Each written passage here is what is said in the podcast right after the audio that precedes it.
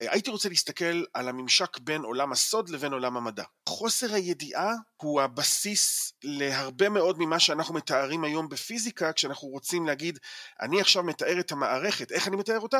במונחים של אינפורמציה. ומה זה אינפורמציה? אינפורמציה זה כימות של מה אני לא יודע.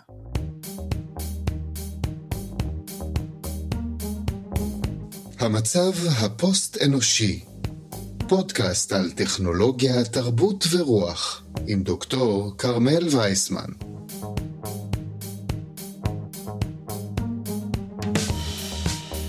שלום, אני כרמל וייסמן, ובשנה שעברה בפרק 19 אירחתי כאן את דוקטור תומר פרסיקו לשיחה על מדע ודת.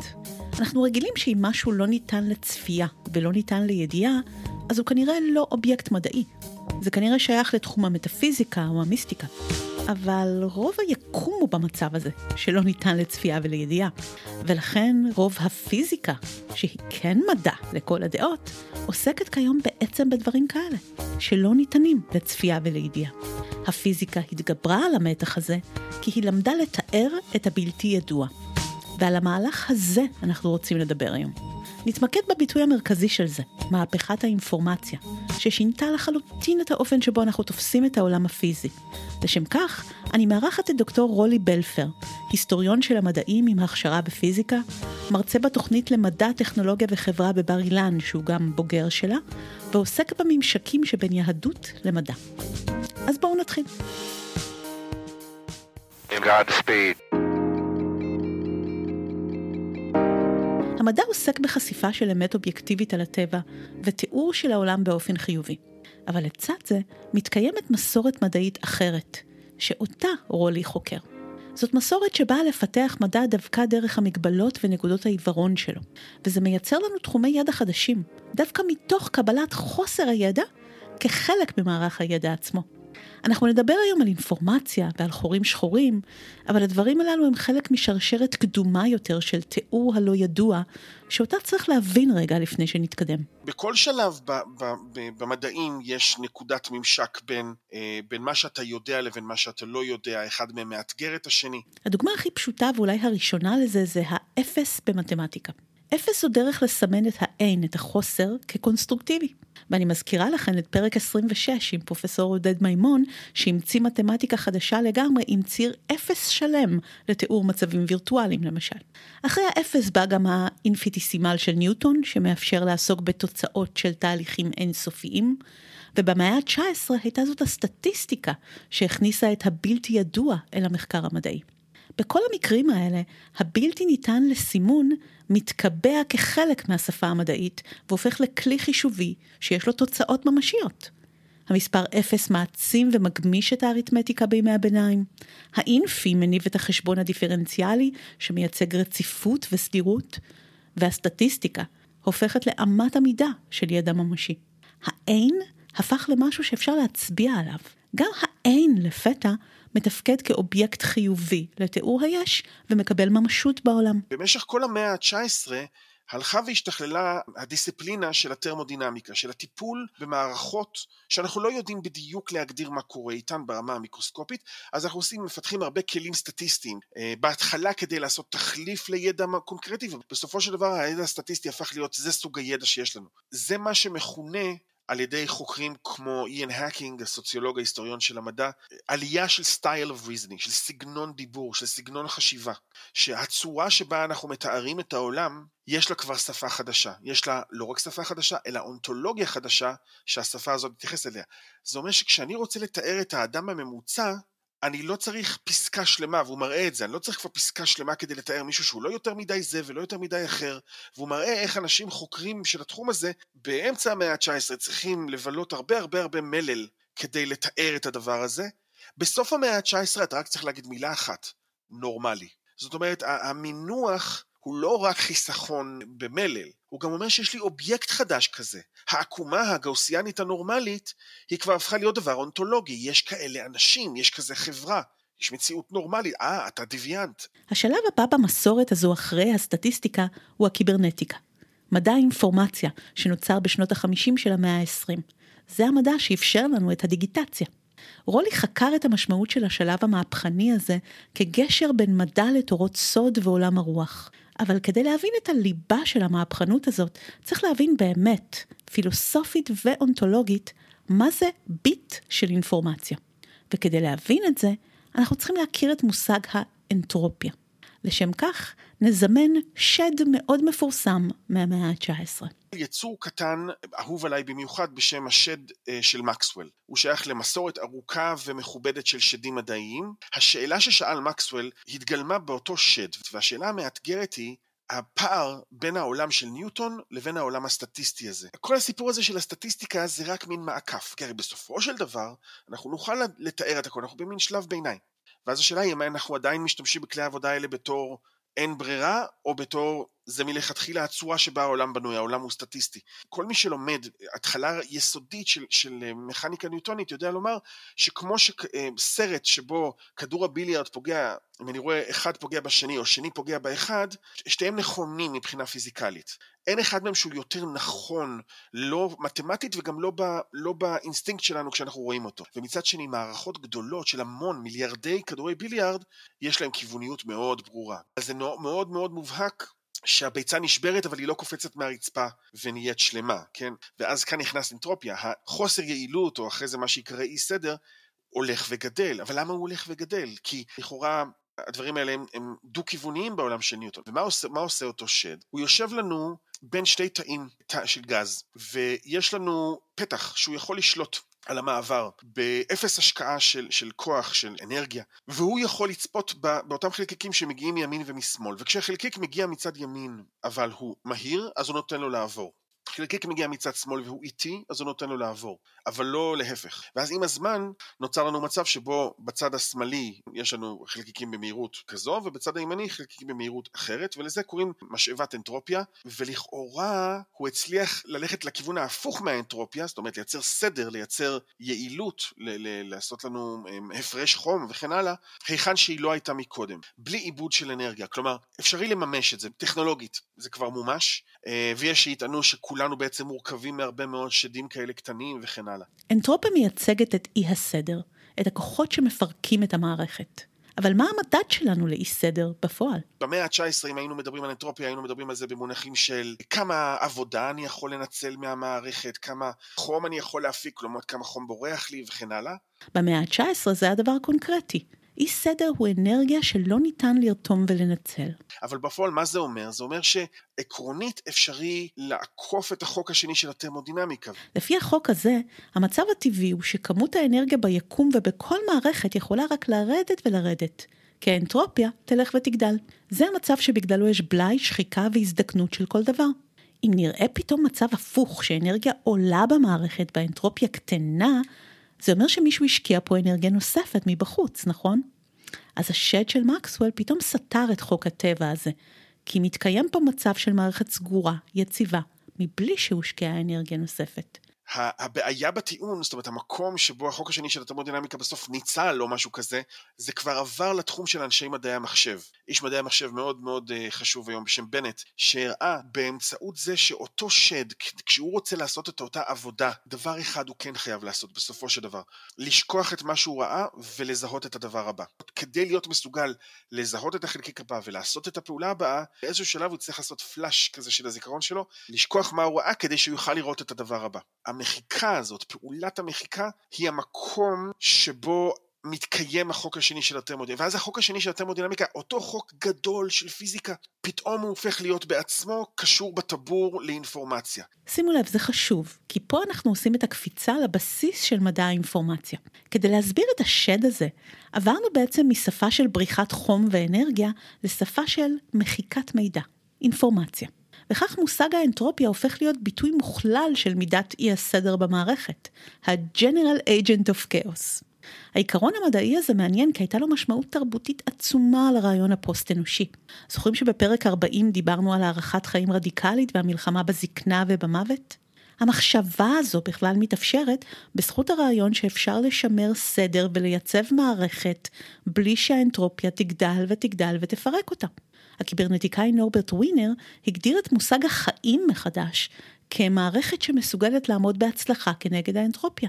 מערכת שמצליחה לייצר כיס של יציבות שבו האנטרופיה יורדת. הפילוסוף הטרנס-הומניסט מקס מור המציא לזה בשנות ה-80 מושג שהוא ההפך מאנטרופיה, אקסטרופיה. זאת היכולת של מערכת לקיים ולהעצים ולטפח את עצמה, כלומר להגדיל את השרידות שלה מול כוחות הפירוק הטבעיים של היקום. זה הבסיס המדעי לכל ההליכה של הטרנס-הומניזם נגד הטבע. ובשנות ה-80, לפני שהיה בכלל טרנס-הומניזם, מקס מור יצר תנועה חברתית בעמק הסיליקון שנקראה האקסטרופים. הם היו לוחמי האור שנלחמו בחושך האנטרופי. אבל מהו הנשק במלחמה הזאת? איך מרחיבים חיים ושורדים ומקטינים את האנטרופיה? אנחנו הרי כבר לא מדברים על אנרגיה וחום, אנחנו מדברים על אינפורמציה. המערכת הזו מזרימה מידע. אבל מה זה בדיוק מידע? כלומר, אנחנו יודעים מה זה חום, זה דבר קונקרטי, מדיד, אבל ממה עשויה אינפורמציה? אם אני באמת מסתכל עליה לעומק, אינפורמציה זה כימות של מה אני לא יודע. כשאני אומר שבפיסה כלשהי של טקסט, קובייה, כן, מטבע שעוד לא הוטלה, ויש במטבע הזאת יש בו ביט אחד של אינפורמציה. באיזה מובן יש למטבע הזאת ביט אחד של אינפורמציה? בזה שעדיין לא זרקתי אותה, ובזה שאני ואת עדיין לא יודעים אם זה יצא עץ או פאלי. ברגע שזה יצא אחד מהם, זה אפס ביטים של אינפורמציה, כי הידוע כבר לא מכיל מידע. זה העבודה הקלאסית של שאנון. הנוסחה של קלוד שאנון לאינפורמציה למעשה זהה מתמטית לנוסחה של האנטרופיה במכניקה הסטטיסטית, שזה המדד לאי הסדר בפיזיקה. מדע האינפורמציה הוא השלב הבא אחרי סטטיסטיקה במסורת של האין המדעי, וגם הוא לא באמת אובייקט, זאת הסתברות. לביט מידע אין אונתולוגיה חומרית. האינפורמציה איננה הידע עצמו, אלא מידת חוסר הוודאות שלנו לגביו. חוסר הידיעה הוא הבסיס להרבה מאוד ממה שאנחנו מתארים היום בפיזיקה, כשאנחנו רוצים להגיד, אני עכשיו מתאר את המערכת, איך אני מתאר אותה?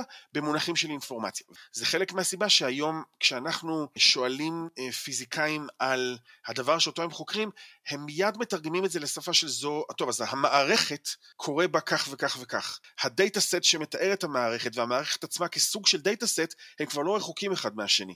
זה לא רק שאני צובר מידע לגבי המערכת, אלא שהמערכת בעצמה היא ברמה מסוימת מערך מידע. מתוך השפה הזאת של הלא ידוע בתור מוקד, הגענו לשינוי של השפה של המדע כולו, שהאובייקט של המחקר של המדע כולו הוא של העולם כמערך אינפורמציה. נקודת הקישור בין פיזיקה לבין אינפורמציה מחייבת עיבוד אינפורמציה, באלף, loss of information. הדוגמה שאני אוהב להשתמש בה זה חוקר בשם לנרד ססקינד. יש לו ספר מפורסם שבו הוא מתאר את מלחמת החורים השחורים שלו עם סטיבן הוקינג. סטיבן הוקינג לא הפסיק להילחם בנושא הזה של אינפורמציה, הוא לא אהב אותו. ומלחמת החורים השחורים עסקה בשאלה האם אינפורמציה נמחקת או לא נמחקת כשדברים נופלים לתוך חור שחור. זאת אומרת, הם הפכו את אותה שאלה שאני תיארתי לנושא שהוא bona fide, לנושא שהוא רשמי בעולם הפיזיקה. האם אינפורמציה נמחקת? זה נושא פיזיקלי. זאת אומרת, גם האנשים המאוד קלאסיקנים, אלה שלא רוצים להשתתף בסרטי הבליפ, אלה שלא רוצים לעשות freaky physics, הם מוצאים את עצמם, מתארים את העולם במונחים של אינפורמציה. שימור האינפורמציה בטבע זה בעצם היסוד של כל המשוואות של ניוטון ואילך. האינפורמציה היא האובייקט שבו אנחנו עוסקים. זה סימן ההיכר של סגנון חדש. כמו שמתאר את זה איאן הקינג כשהוא מדבר על הסגנון החדש של הסטטיסטיקה. כשיש שפה חדשה לתיאור של הידע החסר כאובייקט ממשי, זה מאפשר לנו לחקור דברים חדשים שאי אפשר היה לדבר עליהם קודם.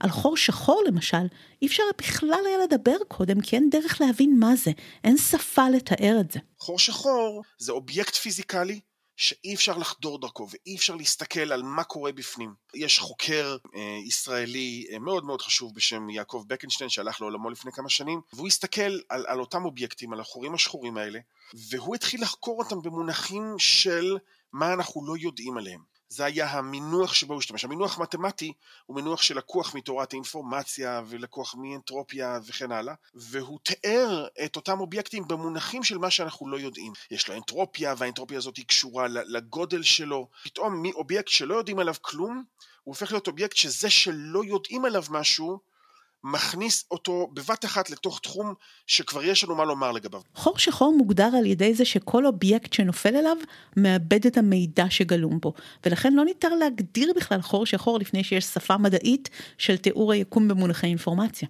באמצעות המינוח של תורת האינפורמציה, בקנשטיין גזר מאפיין תרמודינמי לאובייקט שבלתי ניתן לתיאור. את המונח חור שחור טבע הפיזיקאי הדגול ג'ון ארצ'יבלד ווילר, והוא זה שהביא את האינפורמציה למיינסטרים של הפיזיקה. אם שמעתם על תיאוריית היקום כמציאות וירטואלית או כסימולציה, הבסיס המדעי לכך מגיע מזה שאנחנו מבינים היום את היקום, באותם מונחים ונוסחאות שאנחנו משתמשים בהם במערכות מחשוב. אותו ווילר, אותו ג'ון ווילר, שהיה המורה של בקנשטיין, מאוד התלהב מהעבודה של התלמיד שלו, והוא נכנס לפאזה שבו הכל זה אינפורמציה. שהוא קרא לה it from bit, האונתולוגיה שמגיעה מאינפורמציה. אז למה הכוונה באפוריזם הזה, it from bit?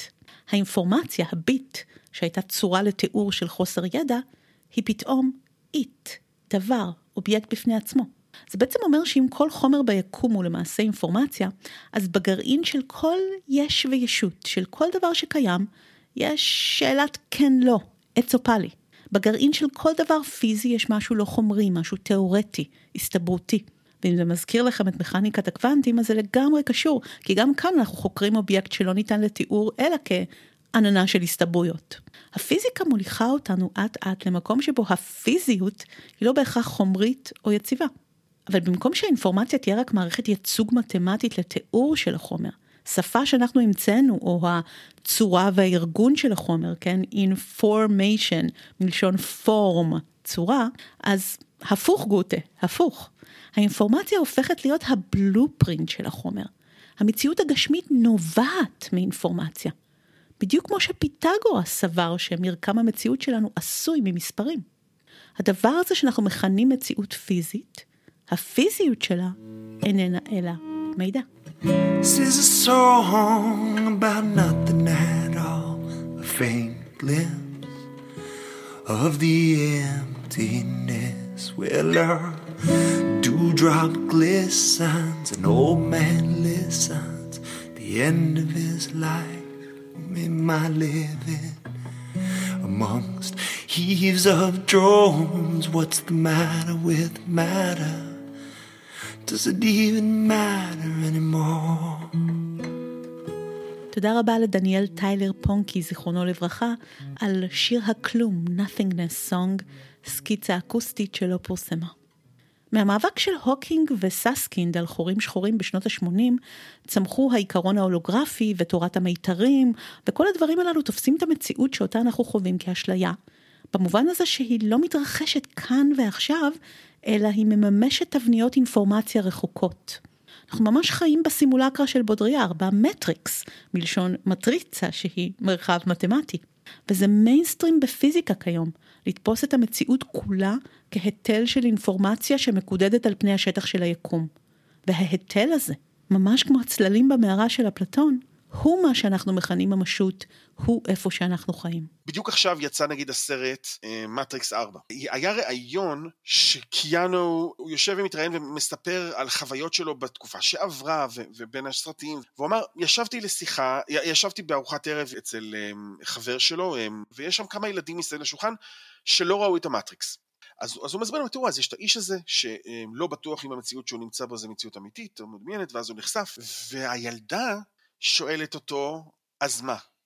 זאת אומרת, השאלה של המתח הזה בין המציאות לבין, לבין הווירטואלי, זה לא רק שהיא לא מעניינת אותה במובן הזה שזה משהו שנשחק, זה נשחק בשבילנו. זה לא עשה עליה רושם. התיאור הזה של המתח בין המציאותי לווירטואלי לא מדליק נורה. העולם הדיגיטלי שאנחנו משוקעים בו היום נראה כל כך מובן מאליו, שאנחנו כמו דג בתוך המים שלא מבין מה זה מים. צריך להוציא אותנו רגע מהמים כדי לגרום לנו לראות כמה זה מהפכני ואפילו סוג של כישוף, קסם. כלומר, אם הייתם חוזרים בזמן עכשיו, מאה שנה, ומספרים לאנשים שהעיתון המודפס שהם קוראים, וצלילי המוזיקה שבוקעים עכשיו ממכשיר הרדיו שלהם, והתמונות שהם פיתחו מהתשלילים בחדר החושך שלהם, וגם המטען הגנטי של בקטריה שנמצאת על השולחן שלהם, כל הדברים הכל כך שונים האלה, וכל סוג של חומר ניתן להמרה, לתרגום, לשפה אחת. כל הדברים האלה יכולים להיות עשויים מחומר אחיד, ככה שנוכל לשכפל אותם ואפילו לשלב ביניהם. אם היינו מספרים להם שיהיה דבר כזה, הם היו בטוחים שאת מכשפה או ברחת מבית משוגעים. יותר מזה, השפה האחת הזאת שאליה אנחנו מתרגמים את כל החומר, היא כבר בכלל לא חומרית. תהליך של דיגיטציה הוא סוג של אלכימיה. זה ממש להפוך חומר לרוח. אותו לחם חוקנו קרטזיאני, שקיבלנו אותו אה, בחמש מאות שנים האחרונות בתור, אפשר לומר, אותם אה, קווי הזנה במטריקס כזה של העולם איננו אלא והנה האונתולוגיה שלכם היא, כן, יש אובייקטים בעולם, יש את האובייקטים שתופסים מקום, יש את האובייקטים שהם אה, תודעתיים, שזה אנחנו, ו, וזהו, ואידך זיל גמור. אבל כשאנחנו ממירים את השפה לשפה של אינפורמציה, היא מצד אחד דבר שלא קיים בלי מצע חומרי, אינפורמציה מפעילה את העולם בהחלט בגלל המצע החומרי. המצע החומרי לא הלך לנו לאיבוד, ומצד שני הוא לא מוגבל רק למצע החומרי האחד הזה, כי אינפורמציה היא בהגדרה גם אובייקט אה, קונספטואלי, כן, הוא גם, גם אובייקט שתלוי בחומר שאנחנו נותנים לו את הצורה, וגם הצורה עצמה, מעין כאילו מן הגישה האריסטוטלית הזאת של, ה, של השילוב של החומר והצורה. למהפכה המדעית הזאת יש קשר הדוק לתורות הסוד ולעולמות הרוח בכמה רבדים. המקום שממנו בעצם הייתי צריך להתחיל לכאורה, זה דברים כמו ספר יצירה. הרי מה יש לנו בספר יצירה? יש לנו תיאור של העולם שעשוי מאיזשהו מין שילוב של אותיות ומספרים. אין זה אלא אינפורמציה. תמיד, מאז, מאז גיל מאוד מאוד צעיר, מאוד עניין אותי המתח הזה בין הדברים שאפשר לעשות עם מספרים והדברים שאפשר לעשות עם מילים, וכאילו שאלה מרחבים שלפעמים הם נפרדים ולפעמים הם משתלבים אחד בשני. כשהאדם הוא הרוח הממללה, כן? הוא זה שיוצר שהוא מדבר, אבל לא רק במובן הזה שהוא, יש לו שפה, אלא במובן הזה שהוא יוצר סדר.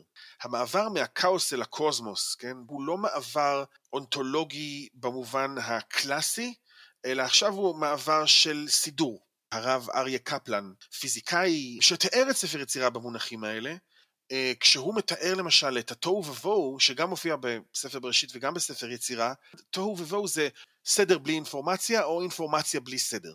אינפורמציה משמעותית היא בלגן חלקי. זה, זה החלק המאתגר של אינפורמציה. שיש לך, חסר לך מידע, אבל, אבל יש לך חלק. למה? קריסטל מושלם, אין בו מידע. יש לו ביט אחד של מידע. ראה אטום פחמן, קח אה, שתי ננומטר ימינה, ראה עוד אטום אה, פחמן. ברגע שראית אחד, you've seen one, you've seen them all. זה קריסטל מושלם. אז הקריסטל המושלם יש לו סדר, אבל אין לו מידע. לעומת זאת, אה, פלזמה, כן, משהו כזה גועש ורוכש ונטול סדר. יש לו המון אינפורמציה במובן הזה שהמון המון דברים יכולים להתממש שם. האי הסדר המושלם, הבוהו, הבוהו, יש בו את כל הפוטנציאל לכל ידע שבעולם, אבל אין בו סדר. היום אם אני מנסה לקרוא בכלים קלאסיים יותר, אני אומר זה לא לוכד את הנקודה, זה לא לוכד את הרדיקליות של מה זה בריאה. בריאה עכשיו היא איננה מעתק אונתולוגי כזה של מה הפער בין חוסר קיום לקיום, מה זה בריאה יש מאין, כל השאלות האלה. כשאני אומר שהשפה החדשה הזו של אינפורמציה פותחת לנו אפשרות חדשה, אז אחת מהאפשרויות החדשות שאני מעוניין זה את האפשרות לדבר על דברים לא רק במונחים של, טוב, אז הכל זה אינפורמציה, ובזאת סיימנו. זה כמו להגיד על ספר יצירה, אז הכל זה א' ב', ובזאת סיימנו. זה הפוך, כאילו, בזאת התחלנו. השאלה אם, אם מישהו רוצה לקחת על עצמו את העבודה ו- ו- ולומר, אז מה, מה אני עשיתי עכשיו עם האות א', מה עשיתי עכשיו עם האות ר'. בספר היצירה חוזר כמה פעמים המשפט עשר ספירות בלימה, אבל יש לקרוא את זה בלי מה. ההתחלה של ספר בראשית, או דברים כמו ספר יצירה, של אה, שתי אבנים בונות שתי בתים, וכן הלאה, וקומבינטוריקה כזאת של מה אפשר לעשות עם אותיות ועם מספרים, ועשר ספירות בלימה, הדברים האלה הם, הם לגמרי מתחברים לאינפורמציה במובן, גם במובן הזה של הבלימה, זאת אומרת, אם אנחנו נכנסים לשאלה של העין שעומד בפנים, המה הוא המילה המקורית האמיתית ביותר, כן, לאפס. אה, לשוניה, למה שנרצה לתאר כחוסר. אה, אפשר לקחת את זה כמעט מכל שיטה מיסטית, אבל אם נשאיל את זה מה, מהמרחב הקבלי, אז, אז האינפורמציה היא כל הזמן, מושגי היסוד שלה, הם בעצם כל הזמן קרובים מאוד לאותו סוג של פער בין הספירות הגבוהות לבין האינסוף. האינפורמציה נמצאת שם, וזה שוב מחזיר אותי למטריקס, כן?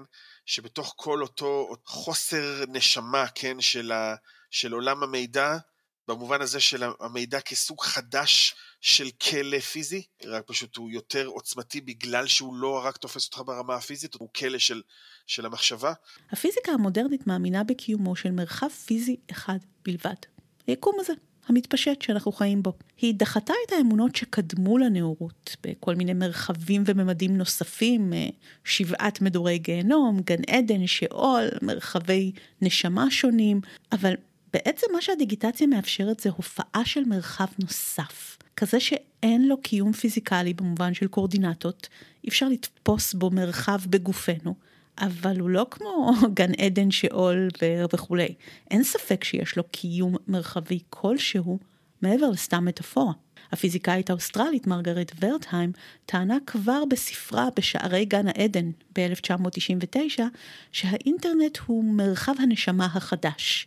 הוא דומה בעצם לעולמות הרוחניים שאבותינו האמינו בהם, רק שהוא קצת יותר קונקרטי מהם. הוא לא תלוי דמיון, הממשות הווירטואלית היא בעצם סוג חדש של ממשות לא פיזית.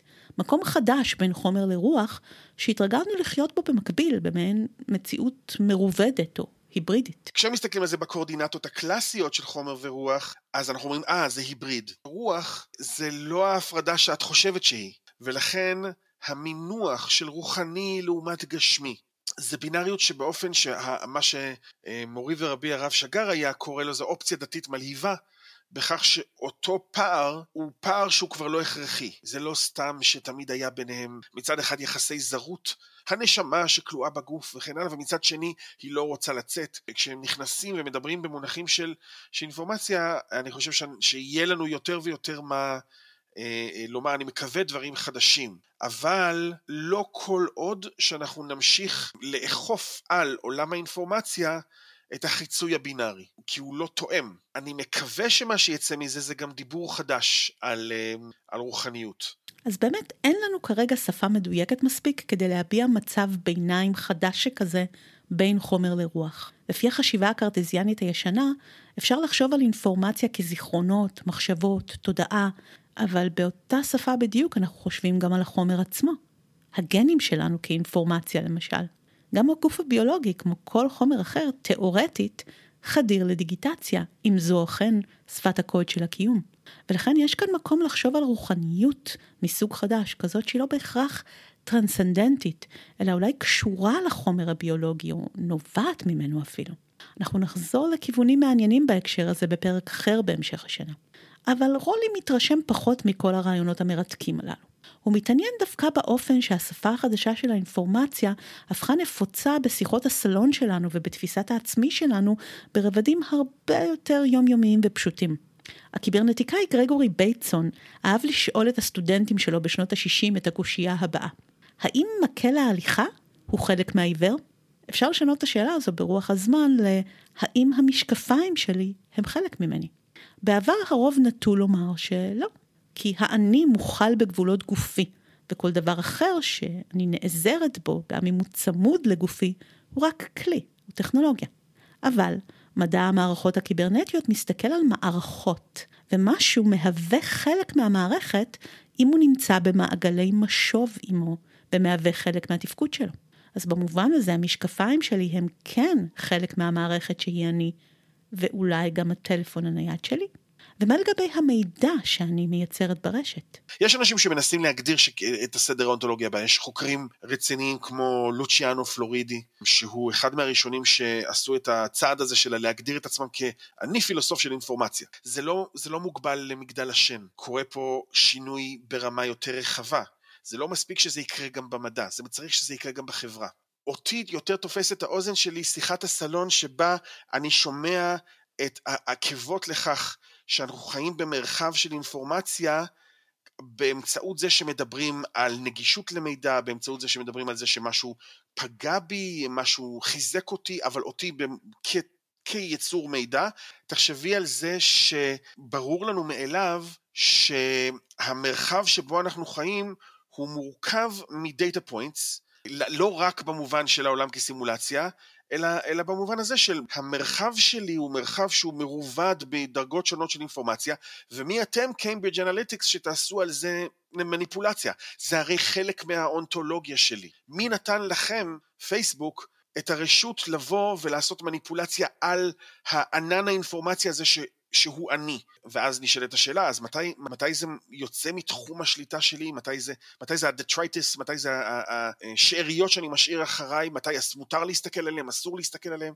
אבל אז זה לא המגבלה הקלאסית, זה לא הגבול הקלאסי ביני לבין המידע שלי, כמו שניסו לחזות לפני מאה שנה אה, השופטים ברנדייס ווורן, אבל עדיין התפיסה הבסיסית הייתה שיש אותי, יש אותי כאדם החושב, שיש לו מגבלה פיזית בתור בגינה, בגלל שאני גם אדם שתופס מקום במרחב, את הדבר הזה שהוא אני, ויש את המידע שלי, יש את הדברים שלי, ולגביהם יש לי זכות, זיקה, ואל תיגעו לי במכתבים, זאת אומרת, יש אותי ויש את הדברים.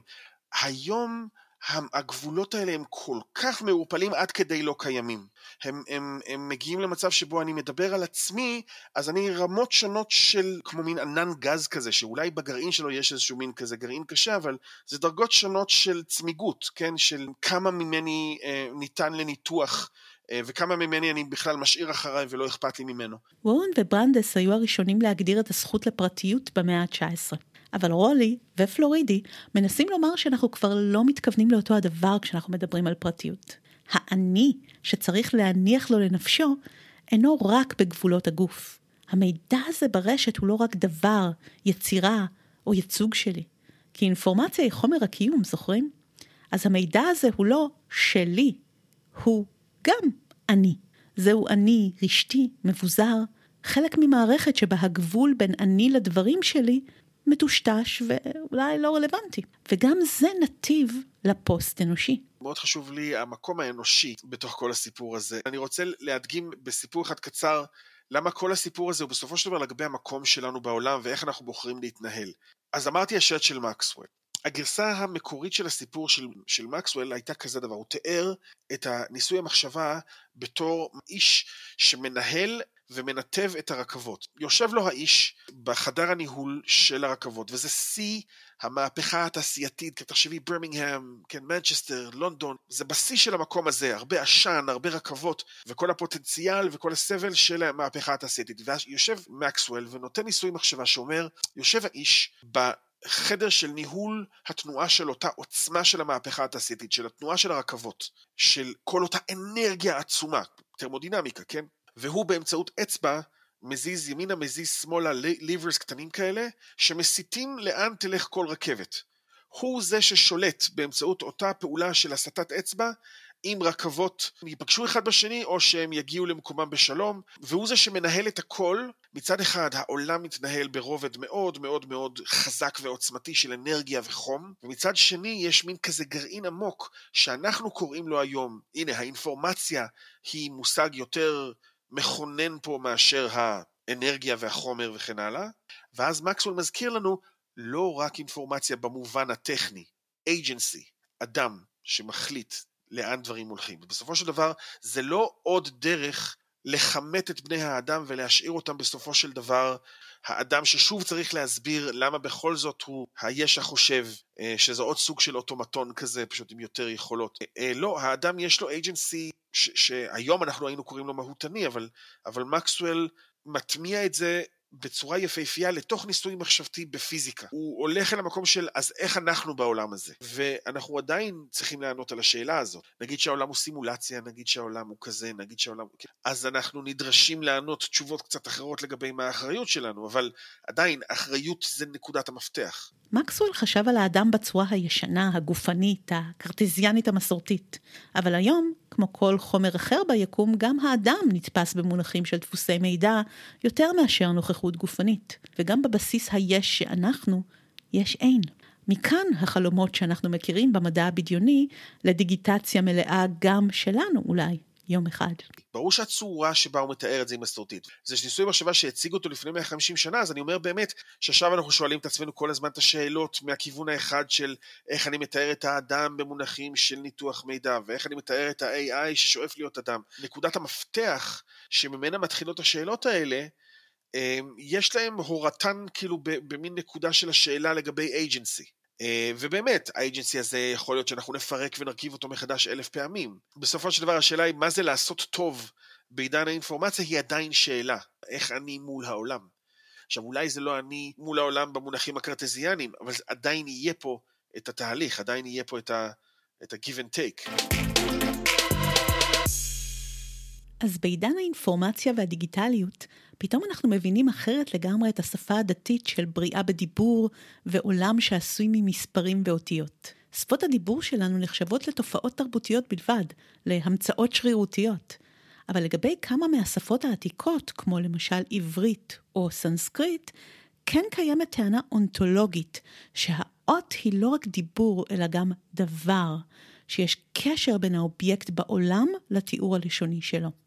בפרק השני של הפודקאסט דיברנו על הבעייתיות של הפנטזיה העתיקה בסיפור מגדל בבל ועד לאספרנטו, שתהיה לנו שפה אחת אוניברסלית. אבל מה אם השפה הזאת היא לא שפה מדוברת, אלא שפה של מספרים, שפת קוד שאליו ניתן לתרגם הכל? ומה אם הקוד הזה הוא לא רק ייצוג של הדברים, אלא קוד המקור ומרקם החיים, הדבר עצמו? בעבר מדענים לעגו לניו אייד שהשתמש בתיאוריות פיזיקליות כהצדקה לאמונות רוחניות. אבל היום, כאמור, המחיצות נמסו בין חומר לרוח, וזה טורף את הקלפים גם עבור המיינסטרים המדעי. וזה כבר לא כל כך ברור אם המדע בוחן וחושף מציאות ממשית, קונקרטית, אובייקטיבית, או שהוא רק דרך אנושית לסדר ולתאר את העולם כנתונים. המדע מייחס ממשות קונקרטית לעולם, אבל הדרך היחידה לבטא את התכונות של העולם היא מתמטיקה, והמושגים שלה הולכים ומרחיקים אותנו אט-אט מהפיזיות של הדברים, כשהשיא של זה הוא מדע האינפורמציה. המושגים המדעיים שלנו היום הם כל כך מופשטים, תלויים על בלי מה ממש, שמושג מופשט כמו אנטרופיה, אי הסדר, הוא שנושא כיום בנטל ההבחנה בין מציאות לתיאור שלה. וזה מעניין שחוקר הדתות מירצ'ה אליאדה טען שבהרבה מסורות דתיות אלוהים מזוהה עם סדר, עם קוסמוס, בעוד שאי הסדר, הכאוס, האקראיות, נחשבים להיפוך, לשטן, לשד. אבל כנראה שהפוסט-מודרניסטים הם אלה שצודקים, ואין טעם עוד לעסוק בפלסף על מקור, מהות, אותנטיות. זה באמת לא כל כך משנה כבר בעולם של מידע דיגיטלי. הרי אם נעשה זום אין וננסה להתעמק במושג כלשהו ולהגדיר אותו במדויק, או שניקלע לסכסוכי גבולות עם שכניו, או שניפול לבור האין שבו, ונשקע בביצות האנטרופיה של אין סוף האפשרויות, איפה שנעוץ סופם בתחילתם כמו בספירה הקבלית. אבל עדיין, רולי ומקסוול צודקים. איכשהו בתוך התוהו והבוהו הזה, עדיין אפשר לזהות בבירור אייג'נסי, רצון, כוונה או כיוון ופעולה. אז אולי גם אנחנו, בני האדם, צריכים לעשות את מה שהמדע עשה, ולקבל את חוסר הידיעה כתכלית הידע. ואולי זאת גם דרך נוספת לפרש את דבריו של סוקרטס על זה שהחוכמה האמיתית היחידה היא לדעת שאנחנו לא יודעים כלום. נראה שמצאנו את הדרך לנסח את הכלום הזה כחוכמה. אז עד כאן להפעם. אם תרצו לקרוא על זה עוד, רולי כתב שלושה מאמרים שונים בעברית בנושא הזה, שנמצאים במקורות בתחתית התמלול של הפרק, והשתמשתי בקטעים מהם גם בקריינות שלי כדי לבאר ולהנגיש את הדברים. כמו תמיד אני אבקש שתקדישו דקה לתת לפודקאסט חמישה כוכבים בספוטיפיי או אפל פודקאסט, זו דרך פשוטה וקלה לתמוך בפודקאסט. אז אנחנו נשתמע בפרק הבא, בקרוב. thank you